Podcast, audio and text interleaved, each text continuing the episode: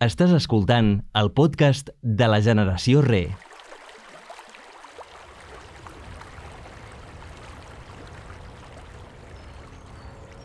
El vent, que aquí en tenim força, l'aigua i el sol són tres elements que al llarg dels anys han modelat el nostre paisatge, el territori. Ho fan de manera natural, erosionant les pedres o escalfant la terra. Ara, aquests tres elements tornen a ser protagonistes de la transició energètica. Tres fonts d'energia que, tot i ser renovables, tenen un impacte en el paisatge en forma d'aerogeneradors, de plaques solars, preses o pantans. Avui estem aquí, en aquesta fantàstica comarca de la Terra Alta, a Vilalba dels Arcs. Des d'aquí, es miri on es miri, es veuen molins.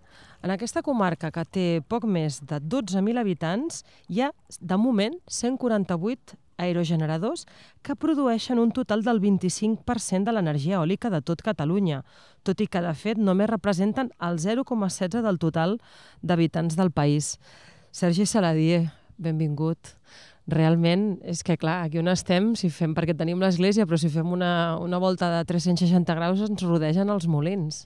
Sí, hola, bon dia. És eh, això, com heu dit, una de la comarca amb, amb més saturació, diríem, d'energia de, eòlica i la que està fent una aportació eh, de llarg més ample a, a tota la generació renovable de, del país. El podcast de la generació Re, del Museu de la Vida Rural.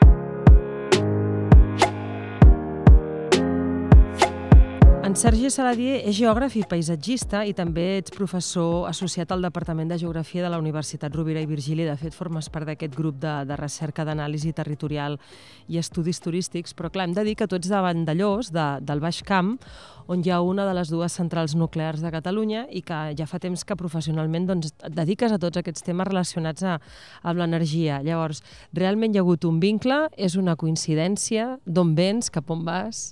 Bueno, eh, sí, el fet d'haver nascut a Vandellós, en un municipi amb dos centrals nuclears, una en funcionament, una d'aturada, amb dos centrals tèrmiques de 400 megawatts cada una, eh, i començar a viure la, la transició energètica fa 20 anys amb la proposta d'instal·lar eh, sobretot grans centrals eòliques que sobretot vam començar a veure que anaven als mateixos llocs que ja teníem nuclears, que ja teníem tèrmiques i que sense, sense que això suposés un canvi de model, no? ni tan sols de dir doncs mira, en aquest territori del camp i de l'Ebre us posarem 2.000 megawatts en renovables però tancarem dos nuclears, hagués pogut ser un pacte de territori, ni tan sols això, sinó que només ens plantejaven el fet de continuar acumulant més i més producció d'energia, doncs mm, va ser quan vaig començar a ficar-me, diguéssim, tant eh, acadèmicament com a nivell d'investigació, com a nivell professional, com a nivell activista, amb, amb eh, intentar averiguar i esbrinar no, com, eh, què hi havia darrere de tot aquest model d'implantació de renovables, no? Hasta que em vaig donar compte que el que hi havia era el mateix que hi havia hagut amb les nuclears o les tèrmiques, l'únic que es canviava era la tecnologia, però no es canviava el model.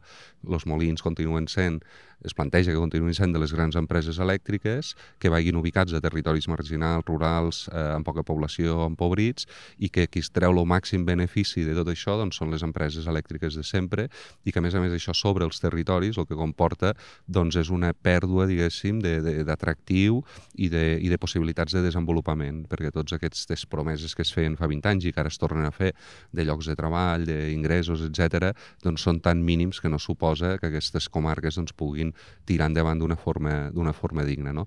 I això pot semblar una contradicció, no? gent que històricament hem, hem estat i estem en contra de l'energia nuclear, doncs també passis a estar no ben bé en contra de, de, de, és evident, no en contra de les renovables, però sí en contra del model d'implantació de renovables, pot resultar aparentment contradictori. De fet, això va ser un dels reptes que em vaig plantejar quan vaig fer la meva tesi doctoral, no? és a dir, com gent que sovint s'ha trobat eh, oposant-se a les nuclears, que a volta també es troba oposant-se a determinats projectes de renovables. No? I això costa molt d'entendre, però jo crec que ben explicat i, i ben comprès doncs, s'acaba entenent perfectament. Què és el que fem una mica avui aquí? És a dir, la descarbonització del planeta és un dels reptes més importants que tenim com a societat, les energies renovables les necessitem per les tu d'aquests moviments ecologistes dels que n'havies potser format part també, no? Oposar-se a l'energia nuclear i després, quan venen les renovables, també t'hi oposes. Llavors, això com s'entén? Per, per, pel model, no? El que no els agrada, a, a part de que preferim sempre el renovable que el nuclear, és de la manera De la com es manera. fa, potser. Sí, eh, de fet aquí tenim un avantatge que és que actualment la, la llei de canvi climàtic que tenim aprovada al Parlament de Catalunya l'any 2017, quan parla de- d'energia, diu eh, tres aspectes molt clars de com hauria de ser la transició energètica. Diu que hauria de ser descentralitzada, hauria de ser sobre espais alterats i hauria de ser en mans de, les, de la ciutadania de les comunitats locals. És a dir, passar d'un model de grans centrals eh, situades a llocs remots i controlades per empreses grans a un model on hi hagi moltes centrals petites arreu del territori en mans de molta gent diferent i que, per tant, d'alguna manera utilitzes aquests espais ja degradats, eh, taulades, espais urbans, infraestructures, espais periurbans degradats, etc etc. Per tant, no consumixes nou sol, no malmets espais agraris, no malmets espais forestals, major, la major part del benefici és per a les comunitats locals, perquè si tu ets l'amo d'aquells sistemes de generació, doncs ja estàs no consumint de la xarxa i a més a més si fas excedent, te'l paguen aquest excedent i d'alguna manera és un sistema molt més eficient perquè la producció se, se consumeix preferentment i majoritàriament de forma local, per tant no Sí, perquè necessites... perdem molta energia en Correcte. el, en el trànsit. I a part generes nous impactes amb línies d'alta tensió amb aquest model centralitzat. Per molt que sigui renovable, totes aquestes centrals aquí de la Terra Alta evacuen amb una línia d'alta tensió que va fins a Barcelona, va fins a Tarragona, va fins a Saragossa, aquesta llum, no? Llavors, clar, mm, és un contrasentit tot plegat, no? Per tant, eh, diguéssim que tenim una llei de canvi climàtic que dona suport a com hauria de ser aquest model de transició i que no és per, i jo crec que s'ha de fer així no perquè ho digui aquesta llei, sinó perquè entenc que també aquesta llei el que fa és inspirar en models d'èxit a nivell d'Europa, sobretot, de països que fa molts anys ja han començat la transició, però que l'han fet diferent a com s'està plantejant aquí. És a dir, han donat les eines a la ciutadania, a les empreses locals, a les institucions locals, perquè facin elles la transició i es demostra un sistema molt més eficient, molt menys degradant de, de recursos com el sol, el paisatge, etc i molt més beneficiós econòmicament per a les comunitats locals i per a la ciutadania. Tenim exemples petits que a vegades també són més fàcils de, de resoldre i endreçar, però per exemple nosaltres com a Museu de la Vida Rural que ens agrada escombrar cap a la Conca de Barberà hi ha pobles eh, que tenim aquí a la Conca com, com Senan que han fet esforços per ser sobirans energèticament. Eh, es poden trobar casos d'èxit eh, en el món rural també aquí a Catalunya, a part de, de quan tu parlaves de, de models europeus, que també en parlarem? A nivell Catalunya costa molt trobar casos eh, d'èxit no? de, de comunitats locals que hagin fet eh, aquest pas a nivell, diguéssim, col·lectiu, no? a nivell d'un municipi tot sencer. No? Doncs el cas de Senan sí que hi ha de- tota la part, diguéssim, pública eh, generant-se de forma autònoma a partir de plaques fotovoltaiques. Relativament a prop, a la, a la Llacuna, a la Noia, tenim un municipi que té un molí, que, un petit aerogenerador que és municipal, que fa ja 20 anys, 25 anys que el van instal·lar, que ara ja està a les seues últimes etapes de vida i ja no funciona gaire, però que era un molí municipal i amb tot el que facturava aquest molí anualment doncs, compensava d'alguna manera no? Les despeses elèctriques del mateix Ajuntament, per tant feia consum zero, podríem dir, però més enllà d'aquí, de moment, a dia d'avui, no hi ha eh, implementats eh, casos eh, d'una certa magnitud. El que sí que estem observant és com l'autoconsum, que afecta o que ho, està fent doncs, tant particulars com també empreses, aquests últims dos, tres anys ha, ha tingut un creixement exponencial, no? I que va en aquesta línia de, de aprofitar espais ja degradats, és a dir, taulades, altres espais urbans, eh, estalviar, perquè és, les, els estalvis són espectaculars al moment que tu generes la teva electricitat i vens l'excedent, i a més a més, eh, doncs això, disminuint l'impacte i millorant l'eficiència. Eh, De, bueno, hauríem d'anar a Europa, que després, si més endavant ho podem comentar. Si, no, doncs... si vols, mira, digue'm ja una mica alguns models europeus concrets, algun lloc que creguis que funciona, perquè, clar, podem parlar d'aquestes comunitats energètiques locals com a solució. No sé si no hem de pensar només en pobles petits, sinó també en comunitats de veïns, en eh, resi zones residencials... eh, No? Sí, aquest model de generació distribuïda, de comunitats, de, de petites iniciatives, és escalable a qualsevol escala, dir la redundància. És a dir, pot eh, fer des d'una casa a nivell individual, està un poble petit, està un barri, està una vila, està... és a dir, és escalable a totes les dimensions que tu vulguis o, puguis imaginar. No? Per tant, sí que és, ha de ser la solució, perquè és la manera més justa, més democràtica, més ètica, més sostenible, menys impactant, per fer aquesta transició energètica, feu a través d'aquestes comunitats eh, locals que no ens hem d'imaginar només un grup d'amics, un grup de veïns, sinó que també hi entrin les institucions locals i entrin el teixit productiu local, que en un lloc doncs, serà més agrari, l'altre serà més industrial, l'altre serà més eh, dels serveis, del turisme. Tots aquests agents s'han d'implicar perquè els resultarà més barat i consumiran, diguéssim, alteraran menys el seu entorn aprofitant aquests, aquests espais. I com dèiem, en quin país o en quina zona d'Europa del món ens podríem una mica inspirar? Com he comentat abans, a nivell europeu tenim les referències de Dinamarca i Alemanya, sobretot, que fa més de 20 anys que van iniciar la transició, i sobretot ho van fer eh, eh, basant-se en que fos la, la, la ciutadania, les comunitats locals, les institucions, les empreses dels territoris les que fessin aquesta transició. I Alemanya, a dia d'avui, malgrat que la Merkel durant 16 anys va difuminar una mica aquest model, però no el va acabar d'eliminar, a dia d'avui Alemanya encara més de la meitat de tota la renovable que hi ha instal·lada està en mans de comunitats locals més de la meitat de la primera potència econòmica d'Europa, almenys hasta dia d'avui. Eh, i, a més a més, això el que permet és casos d'èxit que, que, que, tenim constatats doncs, a nivell d'Alemanya, de, de, de municipis, per exemple, un que es diu Wilspolriet a Baviera, d'uns 4.000 habitants, que de forma comunitària van implementar 11 petits aerogeneradors, eh, 5 megawatts de fotovoltaica, una petita hidroelèctrica, tot això ho han fet a base d'anys. Això és propietat de, de tota la comunitat local i aquest municipi cada any genera un excedent d'electricitat de quatre vegades el seu consum. Doncs amb aquestes quatre parts de l'electricitat que acaba venent a la xarxa, el municipi ingressa 4 milions d'euros cada any per, per a 4.000 habitants, no?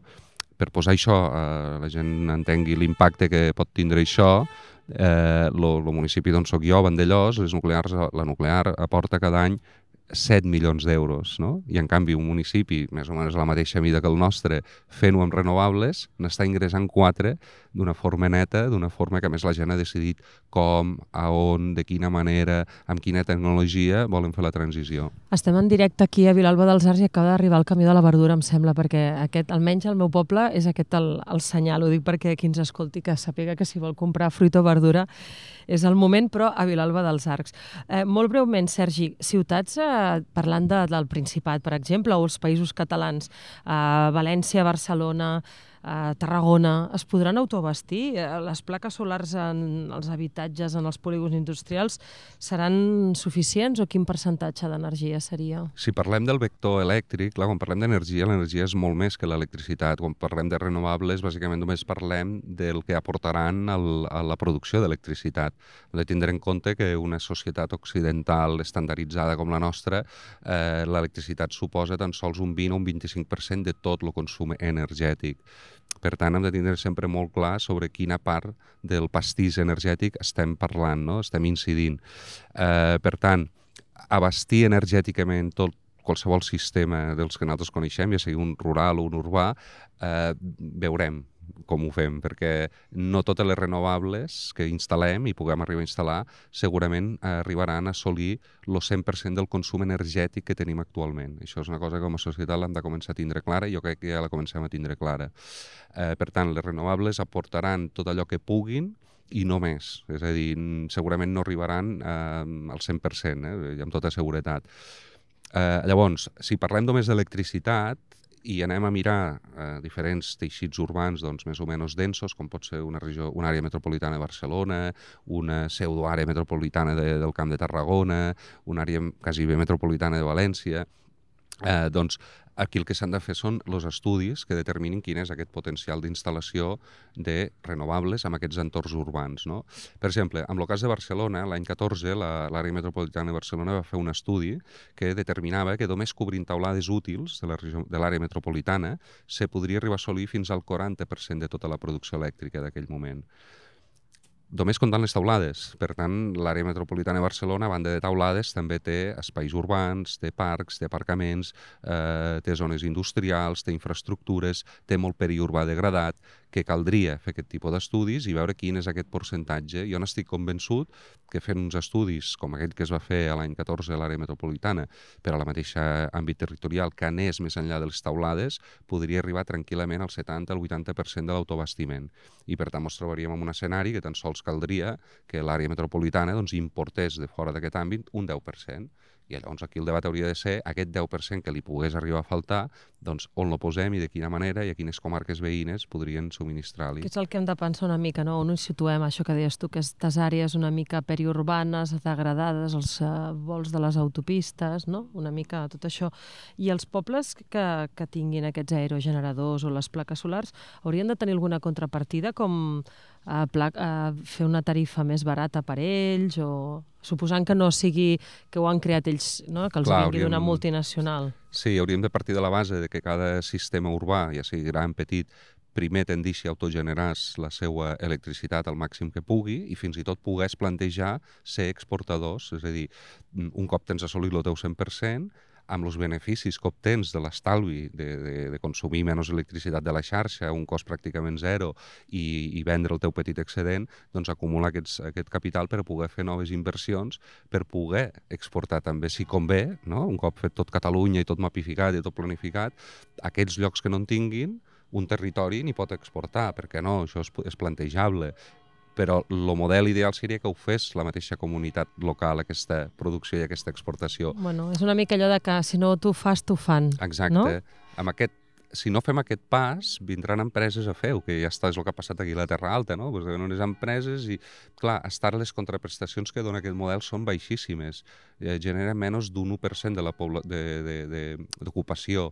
Entre tota la gent del poble que treballa amb aquestes instal·lacions és menys d'un 1% aquí a la Terra Alta, a, tot, a cada un dels pobles. Clar, és una misèria de llocs de treball. Els diners que aporten tan sols representen un 3,4% del que facturen aquestes empreses. I són diners que, que si bé doncs, per als municipis municipis doncs, benvinguts han sigut, però no són una quantitat que els hi permeti eh, refer de tots aquells problemes estructurals que té el món rural, on majoritàriament estan aquests projectes, que no deixen de ser doncs, problemes de despoblament, problemes d'envelliment, de manca de diversificació econòmica. I això aquí a la Terra Alta s'ha vist claríssimament. Ja porten gairebé 20 anys amb aquest model d'implantació industrial de renovables i la comarca de la Terra Alta no és que hagi aixecat cap, és que ha continuat perdent població a ritmes eh, molt importants. De fet, és la comarca catalana amb més percentatge de pèrdua de població els últims 10 anys. Ha perdut més d'un 11% de la població en tan sols 10 anys. És una autèntica sangria demogràfica. Quan se suposa, van dir fa 20 anys, que gràcies a aquest model d'instal·lació d'aerogeneradors a la comarca portaria tants llocs de treball i tants diners que això faria reviscolar la comarca. I això s'ha demostrat que no és així. Doncs eh, estem aquí amb el, amb el campanar de Vilalba dels Arts sonant, però nosaltres en aquest podcast, cada vegada que el fem, visitem també un espai del Museu de la Vida Rural que us convidem a visitar també en persona a vosaltres. A veure si l'Arnau Martínez ens explica on ha anat aquesta vegada.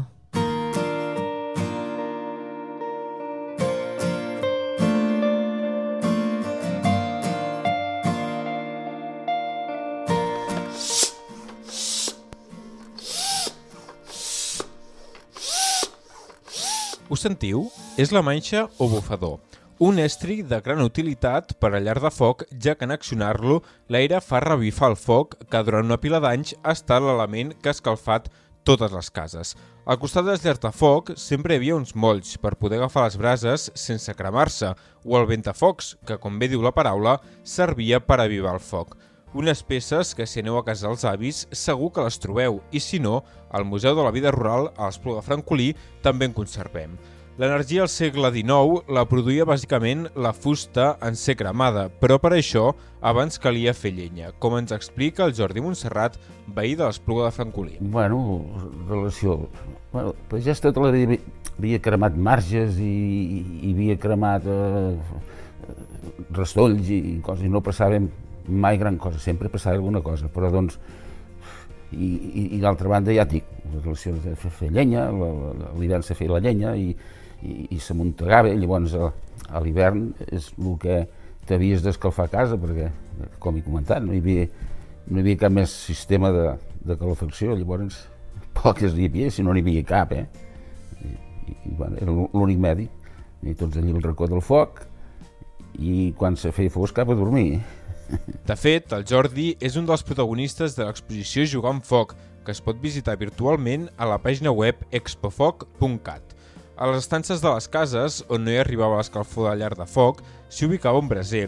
Sota la taula s'hi posava un maridet, un recipient de ceràmica amb brases per escalfar els peus o al dormitori, dins dels llençols, s'hi posava un burro escalfallits, una estructura de fusta, també amb brases per aclimatar-los just abans d'anar a dormir. Ara, al segle XXI, la fusta pot ser també una font d'energia gràcies a la biomassa, tal com ens explica Andreu Campdepadrós, de l'empresa de gestió forestal Jani Mayet. Els boscos de Catalunya estan en un punt de necessitat de gestió forestal imminent, ja que la manca de gestió i aprofitament d'aquests boscos en els últims 50 i 100 anys ha provocat una gran acumulació d'arbres i per tant de combustible que és susceptible de, de ser cremat amb un gran incendi als estius. Si això li sumem el canvi climàtic en el que disminueix la pluja i augmenta la sequera, fa que aquests boscos encara siguin més vulnerables no només a incendis, sinó també a plagues o, o anar desapareixent per, per falta d'aigua. Aquesta situació actual d'accés de combustible en els boscos ens genera dues oportunitats. Una, la necessitat de gestionar aquests boscos, aquest combustible, per aprofitar-lo, però de forma sostenible i eficient per no sobrepassar la capacitat de regeneració del bosc. I la segona oportunitat que tenim és que disposarem d'un combustible que ens servirà per escalfar tot tipus d'instal·lacions, edificis, equipaments i així no haver de dependre tant dels combustibles fòssils com fins ara. Per tant, estarem utilitzant un combustible de proximitat i que alhora crearà llocs de treball en, en zones rurals i, i fins i tot despoblades.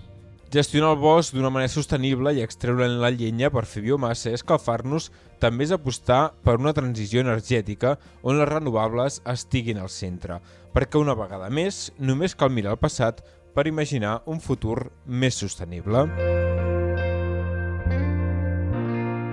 Al Museu de la Vida Rural mirem el passat per imaginar futurs més sostenibles.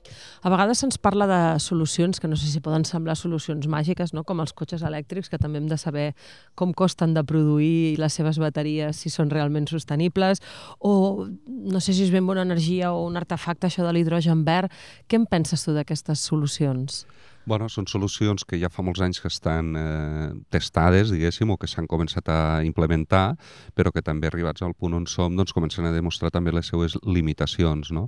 Eh, està demostrat eh, científicament, diríem, que eh, mm, canviar tot el que tenim ara de mobilitat amb cotxe a vehicles elèctrics és materialment impossible. O sigui, no hi ha prous materials al món per fer funcionar tots els cotxes que funcionen actualment al món només amb, amb, amb bateries no? o de forma amb elèctrica. minerals i tot perquè el que no hi ha cal. prous minerals, ni hi ha prous materials, ni segurament hi haurà prou energia de la convencional que es necessita per fer aquest nou model perquè les mines de, on s'extreu el liti, les fàbriques que processen tots aquests materials, les fàbriques on s'ensamblen tots aquests cotxes, majoritàriament funcionen en combustibles fòssils i per tant ara que estem començant a veure l'escassetat i la dificultat d'accés per preu o, o físicament amb aquests recursos fòssils, doncs segurament limitaran i molt lo, la possibilitat de desenvolupar aquest nou model, perquè aquest nou model que hem de construir, paradoxalment, se basa en que continuarem utilitzant combustibles fòssils. Les mines, les, les, les fàbriques eh, difícilment podran funcionar només amb renovables. No? També s'està parlant, com dies, actualment del, del vector, que no és una font d'energia, sinó del vector energètic hidrogen, eh, hidrogen verd, no? l'hidrogen és un acumulador, no?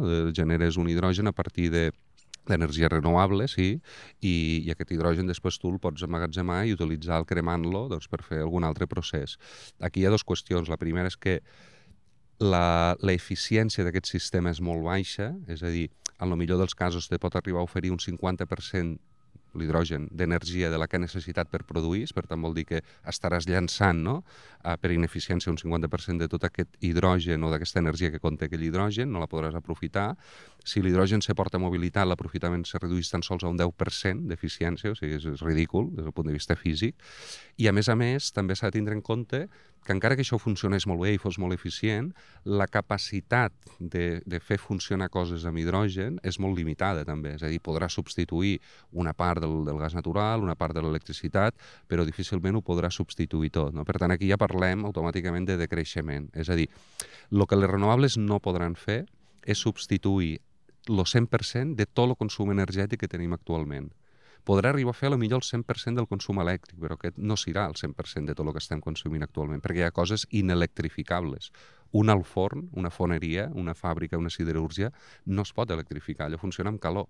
I la calor pot ser de carbó mineral, pot ser de, de gas, o pot ser de carbó vegetal com era antigament, però no és amb llum. Per tant, hi haurà coses que són difícilment electrificables. I, per tant, si no podem electrificar el 100% del consum energètic actual i la part que no és electrificable, doncs cada vegada tindrem menys recursos eh, fòssils per, per cremar, doncs vol dir que haurem d'anar cap a un escenari de decreixement eh, que és molt necessari. I també el tema de la biomassa, no? Ja que tenim tants incendis, potser també hem de tornar a la biomassa. Doncs és molt probable que hi tornem. Eh, de fet, jo no n'he marxat mai. Jo a casa funciona amb estufa de llenya i no tinc cap altre sistema de calefacció, ni elèctric, ni de gas, ni res. Per tant, eh, jo vic podríem dir com fa no sé quants milers d'anys, no? perquè és la, el sistema clàssic i rudimentari i primari que tenim d'escalfar-nos. No?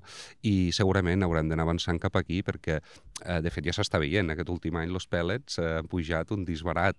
Eh, primer perquè els costos de producció han pujat, evidentment, perquè és el que diem, els pèl·lets també es fan amb, amb electricitat, no? necessiten màquines que facin els pèl·lets, però la llenya també ha pujat, no? I, i ha pujat en part perquè els costos de producció han pujat, però en part també perquè la demanda ha pujat, perquè és l'alternativa que tenim més immediata no? per poder fer una transició energètica, o sigui, de sobreviure, diríem, econòmicament un hivern, però a mig termini de fer una transició energètica amb moltes virtuts. No? E, efectivament, com dies, recuperar la gestió forestal amb la idea de fer un aprofitament eh, de la llenya, de la fusta, doncs permet, diguéssim, primer, generar llocs de treball in situ, dos, Evitar sanejar, no? recuperar, incendis, fer més resilients sí. aquests, aquests boscos davant dels incendis forestals, perquè si no el que acaba passant és que es cremen, i per tant hem de trobar també un equilibri, evidentment no podem entrar a resar tot, no? però eh, és evident que amb, segurament a curt termini amb una, amb una quantitat petita, però a mig termini jo penso que més gran, part de la substitució d'aquests combustibles fòssils que actualment se fan servir per calefacció, doncs vagin encaminats a l'aprofitament de, de, de les llenyes dels, dels nostres boscos. I això serà una oportunitat per al món rural també. Hem parlat de que hi havia una producció aquí a la Terra Alta del 25% de l'energia renovable de tota Catalunya. Aquí eh, ho hem dit, no? que és la comarca que se n'han implantat més. De fet, la teva tesi doctoral eh, comparava el que va passar a la Terra Alta amb el Priorat, que són en, el, en els a principis de, del segle XXI. Hi havia la proposta de posar els mateixos aerogeneradors a les dues comarques amb una. N'hi ha, és on n'hi ha més de Catalunya, l'altre es pot dir que no n'hi ha cap. A, a quina conclusió, breument, eh? perquè és una tesi doctoral el que vas fer, però què va passar en un lloc i què va passar en l'altre a nivell social? Doncs bàsicament que al Priorat eh, es van organitzar col·lectivament per decidir quin model de comarca volien ser el futur i aquest model de comarca que van acabar decidint de cara al futur passava per no tindre grans instal·lacions de renovables, sinó que basarien el seu desenvolupament doncs, amb la base agrària del territori, amb el seu paisatge, amb turisme de baixa intensitat, i que aquest model industrial de renovables no era el que ells necessitaven ni volien. No? I en canvi la Terra Alta tot aquest debat no hi va ser. De fet, a la Terra Alta hi ha una dita que es diu 12 pobles, 12 tribus, que vol dir que cada algú va al seu aire, que no es parla amb l'obeí i que cada algú només mira pel seu. No? I, I això va comportar que només cada algú mirant pel seu, no? jo 15, jo 24, doncs al final 148 entre tots. I un cop se n'han donat compte, diríem que 20 anys han acabat, la Terra Alta està a com el Priorat estava fa 20 anys. Se'n donen compte que aquest model no funciona, se'n donen compte que aquest model pot dificultar, no dic impossibilitar ni eliminar, però sí dificulta el desenvolupament i, i la, la, la, extreure'n el màxim de potencial d'allò que sí que treballa la comarca, que és l'agricultura, que és l'oví, que és la garnatxa, que és la, el turisme rural, i, i veuen que, que ja no en volen més. No? Eh, eh, malauradament han hagut d'arribar a aquesta conclusió havent patit les conseqüències d'aquest model centralitzat de renovables, cosa que el Priorat ja es van estalviar fa 20 anys, igual que també ho va fer l'Empordà fa 20 anys, no? que va decidir quin model volia i no era aquest model industrial a les muntanyes, no? sí que estaven d'acord amb un model més o menys industrial, però els llocs ja alterats, autopistes, etc. I clar, les empreses, quan veuen territoris que pensen, que s'organitzen, que decideixen, ja no hi van ja no hi van perquè saben que tindran problemes i, a més a més, si tenen altres comarques que no diuen res, doncs se'n van a aquelles altres comarques. I el curiós del cas és que amb aquesta nova onada no, de, de, de l'any 19, 20, 21, de nous projectes de renovables. Que és també n'hi ha hagut a, a la part de l'Empordà del Golf de Roses, ah, per exemple, sí, un lloc molt sí. emblemàtic, no? Sí, però la societat ja s'ha tornat a organitzar no? i està reivindicant molt fortament doncs, la seva oposició amb aquest model. No vol dir que siguin comarques ni el Priorat ni l'Empordà que estiguin en contra de la transició energètica, que estiguin en contra de les renovables, ni molt menys, sinó que estan en contra del model. I al Priorat, aquesta nova onada, no els ha aparegut cap projecte gran, perquè les empreses ja saben quin pas hi dona en aquella comarca i saben que si plantegen alguna sortiran escaldats. No? Per, per això és tan important que els territoris, que les col·lectivitats s'autodefinixin què volen fer i com ho volen fer i feu, no? Després feu. Eh, al Priorat tenen clar què no volen, i ara comencen a decidir en matèria de- d'energia també què és el que sí que estarien interessats. Potser van una mica tard, segurament, però ara comencen a definir aquest model de transició i d'implementació de les renovables tal com ells sí que desitjarien, no? i que passa per aquesta distribució entre pobles, utilitzant espais degradats, que, que s'integrin el més possible en el paisatge, etc etc. Doncs se'n gira feina, eh? posar en valor el paisatge, però també aquesta sobirania energètica i aquesta sobirania en general també de decidir, no? Uh, moltíssimes gràcies, Sergi Saladier. I si una cosa està clara és que sí que necessitem l'energia per viure, però la mare dels ous és tot el que comporta la producció d'aquesta energia, és a dir, d'on la traiem i quin impacte té tant a nivell global com a nivell local. Són moltes les preguntes no? que, que han sorgit durant aquesta conversa. Cada cop et poses més preguntes, però el que sí que és cert és que necessitem respostes que siguin honestes, perquè no tots són flors i violes en el tema de les renovables, perquè potser també tenen algun tipus de, de petjada ecològica o fins i tot doncs, a petjada ni que sigui eh, social. La transició energètica no la podem fer amb una vent als ulls perquè hem de calibrar bé els processos d'on s'implanten aquests generadors, quin equilibri o més aviat desequilibri territorial provoquen, tot i que també els necessitem, però pensar per qui van els beneficis econòmics i per aquestes comunitats o, o pels col·lectius o pels ajuntaments o per aquests grans eh, monopolis internacionals. En definitiva, que com fem aquesta transició ens donarà un tipus de país o un altre, però també és interessant això que dius de la de que hi ha d'haver-hi una major eficiència energètica, un major aprofitament, però que és cert que potser hem de fer un ús més racional i fins i tot no, no, no tindrem un altre, s'acabarà el petroli el, gra, el, i el gas i caldrà un decreixement. Doncs això, aspirar a sobirania energètica o comprar-ho les multinacionals. Jo, per si de cas, saps què faig a casa? Vaig apagant els llums quan no fan falta i tot va una mica millor a final de mes per la factura i pel planeta.